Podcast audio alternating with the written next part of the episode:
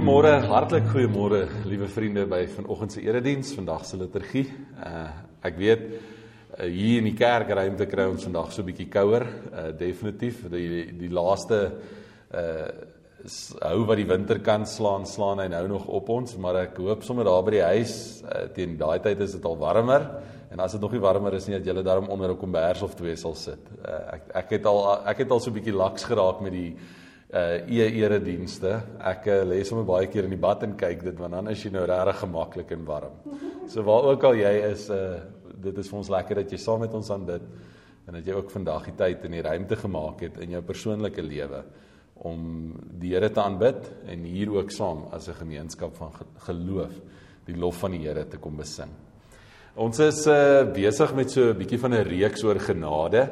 En dit het alles begin met gebalanseerde genade en uh, ek hoop teen hierdie tyd meeste van julle het al die toepassing afgelaai. Uh, dan sal julle sien ons het dit uitgesit as 'n reeks waarna jy kan gaan kyk.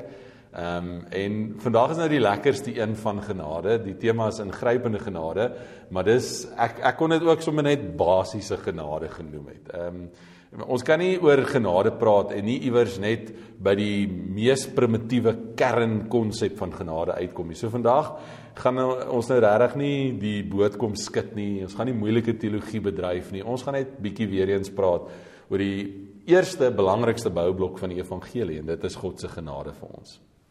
Voordat ons begin gaan ons daarom net saam 'n gebed bid en ons wil vandag regtig spesiale gebed bid vir die matrikulante wat hierdie week begin het met hulle rekordeksamens. Ehm um, ons dink aan julle en ons bid vir julle. Ons weet dit was nou seker een van die moeilikste matriekjare wat ek al ooit van gehoor het. Ehm um, dis nou matrikulante wat nie hulle sport kon doen nie en matrikulante wat baie moontlik nie 'n matriek afskeid sal hê nie. So uh, ons weet julle het 'n tawwe jaar gehad, maar ons uh, hoop en ons vertrou en ons glo dat dit nog steeds net 'n 'n 'n jaar in julle lewens sal wees en dat die toekoms vir julle regtig blink sal wees.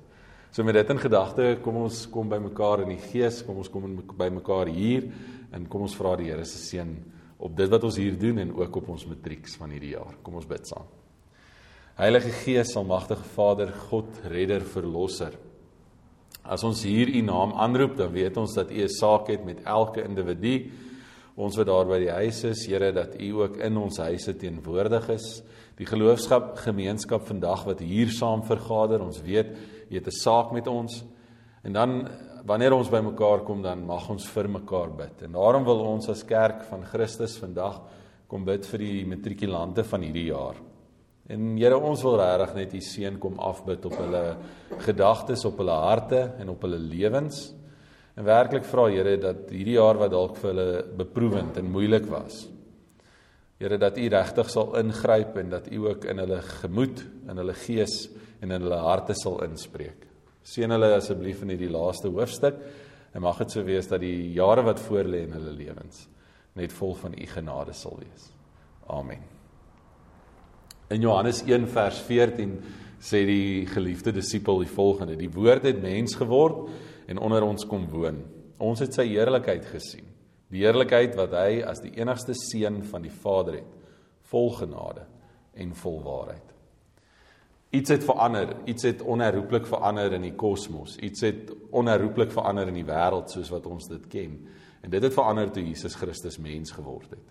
Die manier hoe ons God ervaar, die manier hoe ons God beleef, die manier hoe God met mense omgaan, het verander daai dag wat Jesus Christus bereid was om sy Vader se opdrag uit te voer en dit is om aarde toe te kom om die sonde van die mensdom te verwyder. En uh, dit is die Here wie ons aanbid. Uh, ons Here is so betrokke. Ons Here is so tasbaar en intiem. Hy's nie 'n verwyderde teologiese konsep nie. Hy's 'n realiteit in ons lewens, hier in ons wêreld en ook daar by ons huise. Vriende van Christus, vriendinne van God. Die genade, barmhartigheid en vrede vir jou van God ons Vader en Jesus Christus ons Here wat hierdie wonderlike dinge doen deur die krag van die Heilige Gees. Amen. Ons sing oudergewoonte 'n loflied En dit gaan ons daaroor dat wanneer die Here ons groet, is dit lekker. Uh dit is dit kan nooit swaar en somber en duister wees in God se teenwoordigheid nie. God is goed, God is liefde.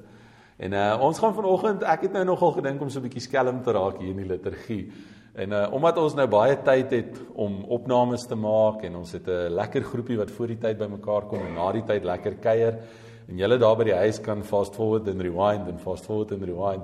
Het ek gedink is sommer 'n goeie tyd om nuwe liede te leer ook. Die liedboek, die liedbundels is so vol mooi musiek. En vandag se lied se loflied is so 'n nuwe loflied.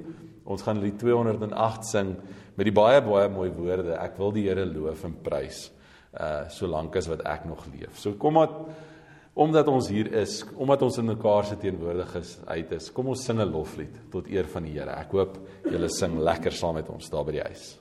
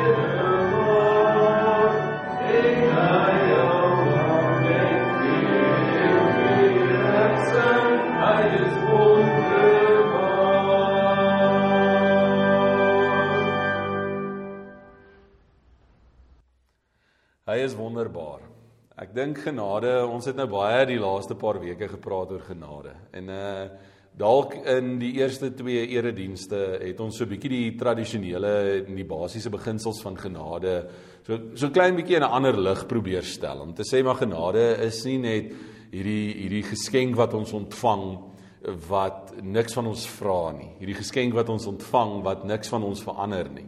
Uh dit is nie 'n passiewe uh, entiteit nie. Dis nie 'n passiewe gebeurtenis nie. Dis nie iets wat eenmalig gebeur nie, maar genade is voortdurend. En ek wil jou dalk aanmoedig as jy die eerste twee dienste oor genade gemis het, gaan loer daarna. Maar vandag is regtig basies. Vandag is die begin van genade. Wat dit is, waar dit vandaan kom en uh hoe ons dit deur die eeue heen in die kerk vertaal het. Uh en en uh, ek het toe ek die beplanning gedoen het vir die reeks gedink hierdie sal eintlik die regte erediens gewees het om genade mee te begin het. Uh maar ek wou dit hier in die middel van die reeks gesit het juis omdat dit so 'n bietjie van 'n 'n klimaks ervaring moet wees. Die laaste twee eredienste was dalk so 'n bietjie intellektueel uh, uitputtend en vandag is regtig in hierdie erediens net 'n ruimte vir jou om weer 'n keer in God se goedheid te kom ontspan. Net weer eens God se genade te beleef en ook in te leef. So die agtergrond uh wanneer ons bietjie gaan praat oor vandag se teks, lees ons saam met die boek van Efesiërs. En uh dit is belangrik ouer gewoonte. Ons nou net vir mekaar sal sê kontekstueel, waar pas hierdie gemeenskap in en waar pas hierdie brief in in die Bybelse kanon soos wat ons dit gebruik. Nou as ons na Efesiërs toe gaan, dan is Efesiërs eintlik 'n baie interessante plek want in die antieke tyd in die tyd van die Bybel was dit 'n hawe stad. Maar as jy vandag nou in Turkye in Efesiërs gaan rondloop, sal jy dit nie glo nie, want as jy in Efesiërs staan, kan jy die see nie sien nie. See is bykans tussen 7 of 11 km weg teruggetrek. Uh en Efesiërs is nou nie meer 'n hawe stad nie, maar in, in die tyd van Paulus en die tyd van die eerste kerk was dit 'n hawe stad geweest, 'n baie bedrywige dorp met al die dinge wat jy nou daar kan verwag. Nou ons weet dat Paulus in sy eerste sendingreis, toe hy op pad terug was na Jerusalem toe, by hierdie dorpie aangegaan het en dat daar reeds 'n geloofsgemeenskap was. So Efesiërs is nie 'n kerk wat Paulus gevestig het nie, dit was 'n gemeente wat hy besoek het. Maar in sy tweede reis word hy vir 'n rukkie daar opgehou en bly hy vir 3 jaar in hierdie gemeenskap. So dis eintlik 'n baie lekker kerk in Paulus se lewe. Want dit is nie 'n kerk wat hy begin het nie, maar dis 'n dis 'n gemeente waarin hy gedien het. Hy was 'n lidmaat, soos ek en jy, deel van hierdie gemeenskap van geloof. En uh vir 3 jaar lank kon Paulus regtig hierdie mense leer ken en saam met hulle leef en saam met hulle werk. So Paulus ken die gemeenskap in Efese baie goed. Nou wat interessant is en ek dink dis hoekom Paulus dalk gekies het om so rukkie hier te bly, is dis 'n geleerde gemeenskap. Tot vandag toe nog sien ons die oorblyfsels van 'n reuse biblioteek wat in Efesiërs bestaan het. So ons weet dat die mense wat in Efesiërs geleef en gewerk het, uh, 'n geleerde gemeenskap was. Hulle was filosofies, hulle was akademies baie sterk, sterk intellektuele mense wat lief was vir redeneer. Dit is ook hoekom daar 'n amfitheater was en 'n forum waar mense gedebatteer het en gesels het. So met dit in gedagte hoop ek sommer al klaar kom jy ietsie agter van genade want laasweek het ons ons nou 'n bietjie meer gepraat van daai rowwe militêre ambagsgemeenskap van Filippi en genade was vir hulle maar ook nou vir hierdie akademiese meer intellektuele handelaarsgroep in Efese genade is ook vir hulle. So ek hoop sommer so met die invalslag kom jy iets agter van genade en dit is dat dit nie regtig ehm um, voorvereistes het nie. Dit het net niks te doen met jou agtergrond, jou ras of jou intellek nie. Genade is werklik vir almal. Nou uh as ons praat oor genade net so interessant uit die teksgedeelte wat ons vandag gaan lees, gebruik nat, natuurlik die Griekse woord charisma of charis wat beteken hierdie on hierdie hierdie onverdiende genade geskenk. En uh die woord is uniek tot die Christelike geloof. Ons kry hierdie woord amper 155 keer in die Nuwe Testament. So jy kan nou nogal dink na 'n paar ander woorde is dit die mees gebruikte woord in die Nuwe Testament. Dis definitief een van die terme wat Paulus die meeste probeer omskryf. En dis uniek tot ons geloof. Dis eintlik uniek tot ons gemeenskap. Jy kry dit nie in ander ruimtes waar daar gepraat word oor hierdie charis of hierdie genade nie. En die rede daarvoor is omdat ek dink dit wesentlik 'n kristologiese konsep het. Jy kan nie oor genade praat as jy nie oor Christus praat nie. Uh en en hier is vir my nogal 'n belangrike ding om mee te vertrek. Baie mense sal sê ja, maar ons leef nou in 'n tyd van universele waarhede. Jy weet niks is mos absoluut nie. Daar's nie regtig egtig nie. Alles is so bietjie vaag en grys. En al hoe meer hoor ek hierdie invloed in die kerk ook. Jy weet, ja, of ja, dalk noem jy hom Boeddha, dalk noem jy hom Krishna, jy weet, dalk noem jy hom Allah, maar eintlik is dit maar dieselfde God, een vir almal. Maar maar dis dis net eenvoudig nie waar nie. Want as jy gaan kyk na wat Christus verteenwoordig het, dan is dit uniek en dis anders. Dis heeltemal anders as enigiets wat jy in enige ander godsdiens sien. In elke ander godsdiens word daar iets gevra.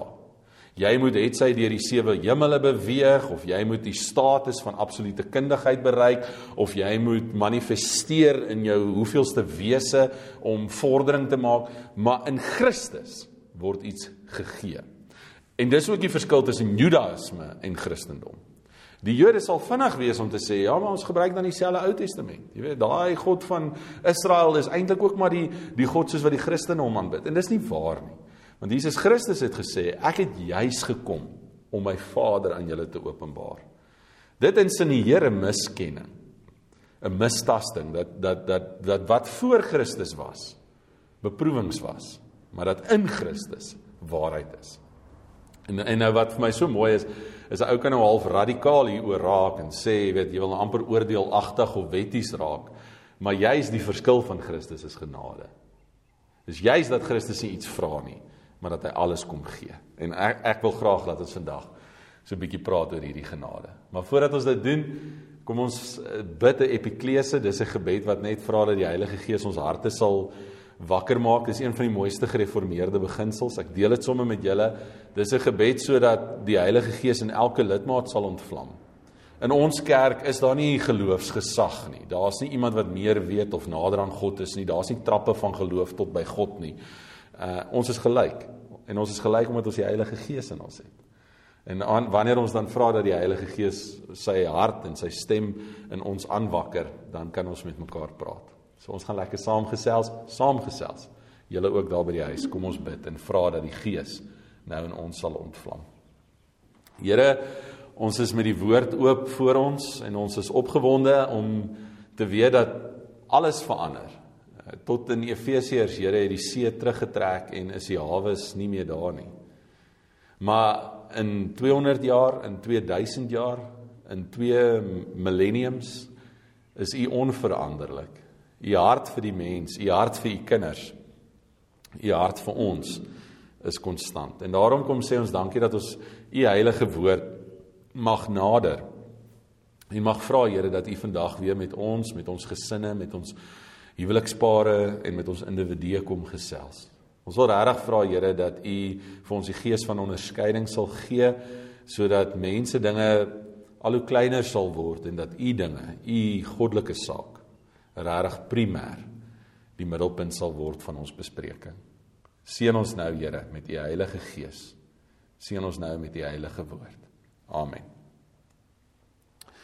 Ons lees saam die bekende gedeelte in Efesiërs en uh, ons gaan dit hier hardop lees, maar miskien het julle lus daar by die huis om die video te pause en dalk laat een van die kleintjies die Bybel vat en dit self lees en so maak ons seker dat die gemeenskap van geloof ook voortdurend ontwikkel en groei. Efesiërs 1 vers 3. Aan God, die Vader van ons Here Jesus Christus, kom alle lof toe. Hy het ons in Christus geseën met al die seënings van die Gees wat daar in die hemel is. So het hy nog voordat die wêreld geskep is, ons in Christus uitverkies om heilig en onberispelik voor hom te wees. In sy liefde het hy ons volgens sy genadige beskikking toe ook al daarvoor bestem om deur Jesus Christus sy kinders te wees. Daarom moet ons God prys vir sy wonderlike genade, charis. Vir sy wonderlike genade wat hy in die geliefde vrylik aan ons geskenk het. Deur die bloed van sy seun is ons verlos en is ons oortredinge vergewe kragtens die ryke genade van God wat hy in al sy wysheid en in insig so oorvloedig aan ons geskenk het. Hy het kragtens sy besluit en voorneme die geheimenis van sy wil aan ons bekend gemaak en dit deur Christus tot uitvoering gebring op die tyd wat hy daarvoor bepaal het. Sy bedoeling was om alles wat in die hemel en alles wat op die aarde is onder een hoof te verenig, naamlik Christus. Die lekker van Efesiërs wanneer ons praat oor genade, die genadegawes van God, dan uh doen dit 'n paar dinge. Dit posisioneer genade en dit verklaar genade. En dis eintlik al wat ons vandag hier wil doen. Ek dink as mense hierdie reeks sou begin kyk en dan sou jy dalk hierdie behoefte gehad het om hier te begin. Wat is genade en waar kom dit vandaan? En dan kan mense nou die ander eredienste volg, nê, nee, die die gebalanseerde genade, die diensbare genade en skolistiese genade. Maar Maar hierdie is eintlik die hartklop waarom dit alles gaan. Wat mooi is van Paulus se vertrekpunt is hy begin deur te sê voor die tyd kom dit van God af. En en hierdie is 'n konsep wat ek dink baie baie baie oordink moet word. En wat ons in die kerk vir mekaar baie gereeld moet sê, is dit is nie iets wat gemaak is nie. Dis nie iets wat geskep is nie. Dis nie iets wat ontwikkel is nie. Dis nie 'n teologiese beginsel wat uh voortdurend aangeoefen moet word nie. Uh iets soos die gawes van die Gees, jy weet, of liefde nie. Uh dit is iets wat van God afkom. Voor die begin van die tyd het God dit al so beskik dat dit uit hom uit sal bruis. Uh ons lees in hierdie teksgedeelte deur die bloed van sy seun is ons verlos en is ons oortredinge vergewe kragtens, daar's die woord, die ryke genade van God. Dis die vertrekpunt. Ek dink ehm um, mense kan partykeer 'n bietjie gevaarlike gespeletjie met genade speel en dit is asof om dit amper so 'n bietjie as 'n tipe van 'n ruilhandel te wil gebruik om te sê maar as jy sekere beginsels het en as jy sekere dinge doen, dan kan jy nou genade waardig wees. Jy kan genade verdien. Ehm um, maar hierdie hierdie basiese boublok en ek weet vir meeste van ons is dit al eintlik van selfsprekend. Maar ons kan nie ophou om hieroor te praat nie. Want dit is iets wat ons vir mekaar die hele tyd moet sê, is dit is iets wat uit God uit deur Christus gegee word. Nou, ek was nou baie aspres geweest met hierdie ritmiese aanhaling, want ek het in een van die artikels wat ek gelees het oor genade nogal so 'n bietjie 'n um 'n baie mooi metodiek van genade gesien. Hulle het begin deur te sê God is die bron. En dit is wat Paulus hier regkry. Voor die begin van die tyd het hy dit so beskik. Maar wat hy dan doen is um in in in Paulus se eie taal sê hy dan nou eintlik dat dit verwant is tot die mens. Nou daai woord is ek nou so 'n bietjie aspres mee, want verwantskap insinieer 'n klomp ongeskrewe reëls. Jy weet, uh, daai simpel vraag wat jy as jy na iemand toe gaan en jy sê, "Hoerie Piet, is julle verwant aan mekaar?" Dink 'n bietjie as iemand daai vraag vir jou vra. Wat insinieer dit? Dit dit dit, dit insinieer 'n klomp ongesproke, ongeskrewe dinge, nê. Nee. Uh deur te sê iemand is is verwant aan my. Insinieer jy dat daar 'n band is? Insinieer jy dat daar 'n 'n simboliese maar ook 'n baie fisiese en 'n letterlike koneksie is? Ons is iets van mekaar. En hierdie verwyderdheid, weet ek nie waar dit in die kerk ingekruip nie. En en ek weet nie of kom dit miskien van die primitiewe godsdienste van van Islam of van Judaïsme af nie. Maar maar maar God is weggevat van die mens af. Iewers het ons deur die millennia of deur die eeue heen dit reg gekry om God ver weg te skryf. Hy hy hy's verwyder. Ons en en tot in die Christelike kerk vandag leer ons ons kinders so bid. Jy weet Jesus ons Vader wat daar in die hemel is. Hy's hy's hy's hy's hy's regtig verwyder. En as jy na 'n kleintjie toe gaan en sê maar waar's God? Dan gaan jy baie selde die antwoord kry hy's hier. En jy sal vinnig en gereedelik die antwoord kry hy's daar. Maar Paulus begin met hierdie hierdie idee dat God 'n bron is, 'n verwante Vader figuur. Hy's intiem betrokke. Hy's teenwoordig. Die ritme hou aan wanneer hy dan sê maar Jesus Christus is die kanaal. Uh so so as as as God hierdie put van lewe is, dan is Jesus Christus die die diensverskaffer. Hy kom lewer dit af. Hy hy bring dit. Nou uh in vandag se terme is dit baie makliker om hieroor te praat want ons lewe mos nou in die era van Takealot. Nou uh dis dis interessant dat daar nou deesdae by ons universiteit universiteite studies gedoen word oor die sielkundige implikasies van iets soos Takealot en daai koopmetodiek. Want ewe skielik sien ons iets wat ons nooit gesien het nie en dit is mense koop on, onbenullighede. mense daar daar's daar's letterlik mense wat verslaaf is aan aan hierdie koop idee. En en tot hulle advertensies word so bemark. Jy weet, hier's 'n pakkie vir my. Ehm um, hierdie ervaring van iets word vir my gebring, iets word vir my gegee, daai hoeder wat blaas voor die hek. Ek sommer nou opgewonde, hier's 'n ietsie. Dis verslawend want daai daai daai idee van om te ontvang, dink ek is primitief tot die mens. En dis dalk hoekom dit belangrik is dat ons bietjie minder oor Takealot en bietjie meer oor Jesus Christus moet begin praat, want Jesus Christus is die afleweringsdiens van God se genade. God ontkiem genade. Maar Jesus Christus se dade aan die kruis bring dit, laat dit manifesteer. Verpak dit, verseël dit. In hierdie gedeelte sê Paulus twee goed oor Jesus Christus. Hy is die verlosser. Hy het ons kom verlos en hy het ook ons vergewe. Die twee goed hou baie sterk verband met mekaar. Die terme lei 'n bietjie terug na die slawe tyd in Paulus se eie lewe. Daai verlossing is 'n losprys wat betaal is Ewe skielik is jy nie meer gebind nie. Ewe skielik is jy nie meer verbind nie. Jy's vry. En in kerkterme weet ons mos, dis van die sonde, dis van die dood. Maar meer nog, en hierdie is 'n moeilike een want is een wat ons nie baie baie oor praat nie, want ek dink is een wat ons nie baie toepas nie. Ons is vergewe. Jy's vergewe. En ek dink die rede hoekom dit wegraak in die kerk is omdat ons onsself nie wil vergewe nie. Jy weet, ek ken my eie sondes. Ek ken die eie dinge wat ek aangevang het en gedoen het en daarom wil ek nie wil ek dit nie vergeet nie, maar vergifnis word in Jesus Christus verpak. En ek dink hoekom verlossing en vergifnis in die bron van God se genade baie keer verlore gaan in die moderne kerk, is omdat ons vergeet wie dit bewerk. Wat is dit wat jy ontvang wanneer jy hierdie pakkie oopmaak? En dis die Gees van God. Die Heilige Gees moet genade in jou lewe laat manifesteer. Ek het uh, die wil van die Here gekies uit Timoteus uit en ehm um, ek het dit gekies omdat ek dink dit so ietsie wil sê van wat God se hart is, wat God se regtig sy wil en sy hart vir die mensdom is. 2 Timoteus 1 vers 9 sê: Hy het ons gered en ons geroep om aan hom toegewy te wees. Daar is 'n reaksie, daar is 'n 'n antwoord op God se genade. Dit het hy gedoen nie op grond van ons dade nie. Daar lê vergifnis, maar op grond van sy eie besluit en die genade wat hy van die ewigheid af in Jesus Christus aan ons geskenk het. God as bron, Jesus Christus as kanaal en die Heilige Gees as bewerker. Dit is waar genade vandaan kom. Maar wat is dit? Nou ek kan uit eie ondervinding praat vir my persoonlik is daar baie meer opwinding as daai pakkie daar aankom as wanneer ek die pakkie oopmaak. Want wanneer ek die pakkie oopmaak dan sien ek, "O, oh, ja, dis nou weer die ding en ek het hom eintlik nie nodig nie en hy's nou bietjie kleiner en hy lyk sommer nou goedkoper as wat ek gehoop het en gedroom het."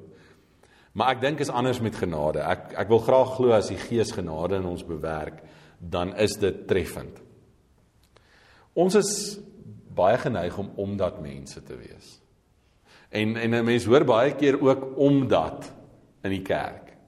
Jy weet as iemand sê maar hoekom dien jy die Here? Hoekom wil jy die regte dinge doen? Dan is dit omdat God my vergewe het. Um omdat God my liefhet. Jy weet uh daar's daar's eintlik nou deesdae selfs hierdie ding wat 'n huwelikseremonie sy kop uitsteek en dit is wanneer egpare vir mekaar hulle beloftes van trou maak. Is om te sê maar jy weet ek is ek is sal lief wees vir jou omdat jy so goed is vir my. Jy weet ek het verlief geraak op jou omdat ek jou gesien het. Ehm um, mense wil amper sê ons werk so bietjie met ruilhandel tot tot op die diepste vlak van ons emosies. Maar die mooi ding van genade is as jy dit uitpak dan het dit niks met omdat te doen nie. Daar's nie een omdat in jou wat God se genade regverdig nie. Die die woord wat ons moet kies wanneer ons werk met genade is eerder ten spyte. Ons is God se kinders ten spyte van ons sonde. Nou ten spyte is vir my 'n lekker Afrikaanse woord want dit insinueer so 'n bietjie van die negatiewe, nê? Nee? Spyt is nooit positief nie. Spyt is nooit lekker nie. Ehm um, en ek is oortuig daarvan dat die kere wanneer ek regtig droog maak, wanneer ek verskriklike nonsens aanjaag, wanneer ek nie in God se wil optree nie, dan spyt dit hom. Ek glo dit met my hele hart. Ek kan nooit dink dat Jesus Christus bly is oor die mense se verlorendheid nie. Ek ek laat my nie sê God was opgewonde omdat Adam en Eva die oersonde gaan pleeg het nie. Ek dink dit het God gespyt. Maar ten spyte van ons sonde en ten spyte van ons slegheid is God nog steeds Abba. En en dit is wanneer genade onbeskryflik raak. Want daar is nie 'n omdat nie. Daar is nie hoekom nie. Daar is net God se goedheid. Paulus doen iets wat uniek is tot hom. Hy hy hy hy verander godsdiens vir ewig en dit is hoekom ek seker tot die dag van my graf sal aanhou sê dit wat ons inglo is regtig uniek en anders. Ons is nie volgelinge of disippels of apostels nie. Ons dit dit was alles pre-Christus. Maar post-Christus, na Christus, is daar net kinders van God. Ons sê Paulus is aangenome kinders van God. Uh hy later in die woord het hy dit nogal baie gaan uitbou deur te sê Jesus Christus was die eersteling en ons is broers en susters van hom. Dit beteken godsdiens, wesenlike godsdiens verander. Ons het eintlik nie meer 'n godsdiens nie, ons het 'n gesin. 'n Gesin van Christus. En hierdie aangenome term is nogal bietjie interessant want wat wat is dit? Wat beteken dit om 'n kind aan te neem? Ek moes dit nou die laaste paar jare geleer het by die CMR. Daar's daar's iets anders van 'n aanneemouer teenoor 'n pleegouer. 'n Pleegouer neem 'n kind maar net vir 'n tydjie in en beskerm hom, maar daai verwantskap is nooit wettig nie. Daai verwantskap is eintlik maar gebaseer in versorging en in beskerming. 'n Aanneemouer vat jou. Jy syne. Jy het presies die en en ek meen hier's nou al legio hofsaake in ons land gewees waar uh bloedverwante kinders aanneem kinders dagvaar want die wet sê hy dieselfde regte. Wat jou regte kind en jou aanneem kind het, die wet maak nie 'n onderskeid nie. En wat so mooi is van wat Paulus hier kom doen is hy sê hoe God na Jesus kyk, kyk hy na ons. Ons is God se kinders. Nou dit impliseer iets en en dis hoekom ek bietjie versigtig is om te veel te wil uitbou op hierdie aanneem konsep. Want want in mense terme is dit maar nog steeds 'n gebroke konsep. Maar in kristologiese terme is dit volmaak. Jy word volwaardig God se kind. Dit beteken jou identiteit verander. Jy is nie in die eerste plek meer 'n sondaar nie. Jy is nie in die eerste plek meer 'n mens wat bestem is vir die dood nie. Jy is nie in die eerste plek verlore nie. Jy is in die eerste plek God se kind. En dit maak jou heeltemal anders. Dit maak jou heeltemal anders. 'n Bekende filosoof, J. Jowett het gesê en ek lees dit. Grace is the energy of the affection of God rolling in plenteousness towards the shores of human need. Ek het baie lank gesoek in hierdie reeks vir 'n goeie beskrywing van genade. En ek dink hierdie beskrywing is die naaste daaraan. Want want genade is nie net 'n geskenk nie. Genade is nie net 'n konsep nie. Genade is nie net 'n beginsel nie. Wat ek uit hierdie aanhaling uithaal is genade is 'n energie van God wat spoel. Wat amper soos 'n tsunami die nood en die honger en die leemte in die mens kom oorspoel. En dis hoekom dit bietjie onbeskryflik raak. Dit raak nie onverstaanbaar nie. Dit raak nie onervaarlik nie. Dit raak onbeskryflik want dit is 'n energie. En dis 'n energie wat 'n tasbare impak op my lewe het. En nou vra ek die moeilikste vraag wat ek vandag moet vra. As dit genade is en dit is onbeskryflik. Hoekom is dit soveel kere onsigbaar? in die kerk en in mense se lewens. In Galasiërs sê die skrywer om ons wat aan die wet onderworpe was los te koop sodat ons as kinders van God aangeneem kan word. Dit was God se hart en God se bedoeling. My vraag is is dit vandag die kerk en die gelowige jou en my se nuwe realiteit. Ek wil laat ons net so vir 'n oomblik asemhaal. En uh, ek het geweet toe ons die reeks beplan het, iewers moet jy die lied sing. jy kan nie 'n reeks doen oor genade en nie genade onbeskryflik groot sing nie. En ek het hierdie oomblik in die liturgie gekies. Ek het hierdie plekkie gekies in die reeks omdat ek gedink het Ons gaan nou ons is nou gekonfronteer met 'n baie moeilike vraag. Ons weet wat genade is en ons ons weet regtig hoop en glo ek teen hierdie tyd wat genade impliseer. Uh en ook wat dit vra. Maar wanneer ons hier sit en wanneer ons mekaar in die oë kyk, dan sê ons vir mekaar die trefkrag, die tsunami, die energie van genade is nog nie in sy volle werking in die kerk van Christus nie. En daarom wil ek hier dat ons daaroor sing. Hierdie baie bekende melodiese lied wat ons van kindsbeen af met ons kinderstemmetjies in die SKA gesing het. Dat ons nou hierdie lied sal sing en vir mekaar sal sê: Het dit nie tyd geword dat ons net die energie van God ook in ons wese ontgin nie. Kom ons sing saam die woorde: Genade onbeskryflik groot. Thank you.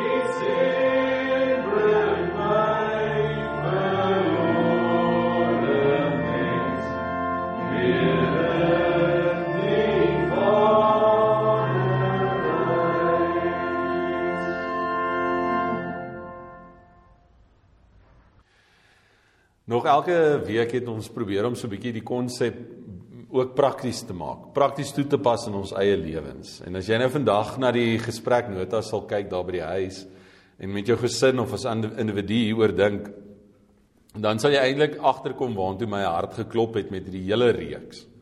Want ek dink in die volgende vraag uh, vra ons eintlik regtig vir mekaar wat is die praktiese implikasies van genade? En uh dis ook nie net 'n vraag nie, dis 'n toets om te vra, maar is dit sigbaar? Is dit tasbaar? Is dit wesenlik in ons lewens? So daar by die huis kry julle nou 'n tydjie om hieroor te gesels en ons gaan hier in ons liturgie ook genoeg tyd vat om vir 'n oomblik oor hierdie konsepte te dink. Gesels lekker.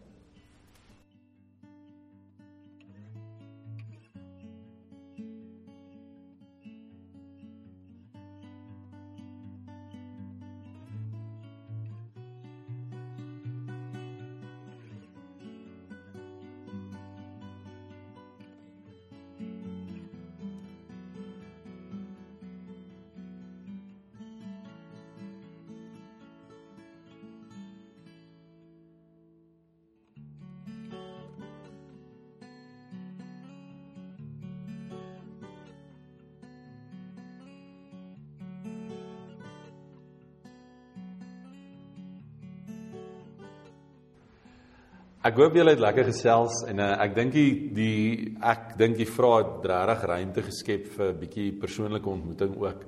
Uh, ons het hierso 'n paar interessante dinge vir mekaar gesê. Ons het uh, by die laaste vraag vir mekaar gesê dat dit baie keer nie net jy of jou eie gedagtes is nie, dat dit eintlik nogal selde dat dit God se genade is wat jou identiteit vorm, maar ons het eintlik gesê partykeer is dit ook ander mense, nê, nee, wat ander mense van jou dink en wat ander mense van jou sê bepaal wie jy is. Ek hoop werklik dat in die lig van vandag se tema en in van, vandag se gesprek en gedagtes dat jy so 'n bietjie iets ervaar het weer van hoe God keer op keer ons kom verander. En as 'n mens nou dit sê dan miskien sou die van julle wat fyn gekyk het agtergekom het hoekom het ek herfsblare gekies as 'n visuele tema vir vandag se konsep. Ons is nou in die oorgang van seisoene en mense sien die lente bloeisels, die die plante is so half of hulle 'n nuwe asem weer kry. En uh die blare is vir my half simbolies van iets wat eens baie belangrik was, want ons weet wat 'n blaar se doel is, nê. Nee, 'n Blaar kom aan 'n boom, dit help hom om sonlig op te vang, dit help hom om water op te vang, dit voed hom vir 'n vir 'n geruime tyd. En dan word dit uitgedien en dan skud die boom dit af en dan dan moet daar iets nuuts weer gevorm word. En ek hoop in die in die lig van hierdie reeks oor genade dat jy iets sal verstaan van hoe God se genade voortdurend veranderlik en radikaal in 'n ou se lewe inspreek. Daar gaan tye wees wat jy baie naak en baie kaal en baie rou en lelik voor God wil gaan staan en jy gaan sê maar Here dis die som tot som totaal van wie ek is. Maar verstaan dan dat dit in God se wil en in God se krag is om jou toe te rus met 'n nuwe baadjie en met 'n nuwe blaadjie en om jou identiteit as te ware te verander. Waak daarteen dat dit uitgedien kan word. Bekering is nie eenmalig nie. Jy gaan nie vandag vir die res van jou lewe presies dieselfde oor God en oor mense voel nie. Dit dit dit ontwikkel, dit groei en dis dinamies. Maar die bron en die energie is konstant. Wat laat 'n plant lewe? Dis nie die hulpbronne van sonlig en van water en van grond nie. Dis die onverklaarbare, onverstaanbare, onbeskryflike energie van God se lewe. Wat laat jou lewe? Dis nie opinies van ander nie, dis nie opinies van jouself nie. Dis nie die regte dinge wat jy partykeer sê en doen, die kere wanneer jy dit net net reg kry om 'n goeie Christen te wees nie. Dis God se onbeskryfbare genade. En die getuienis behels dit. God het ons die ewige lewe gegee. En die lewe is deur sy seun. Wie die seun het, het die lewe. Wie nie die seun van God het nie, het nie lewe nie. Mag die genade van ons Here Jesus Christus, mag die liefde van God ons Vader en mag die gemeenskap van sy Heilige Gees met julle wees en bly.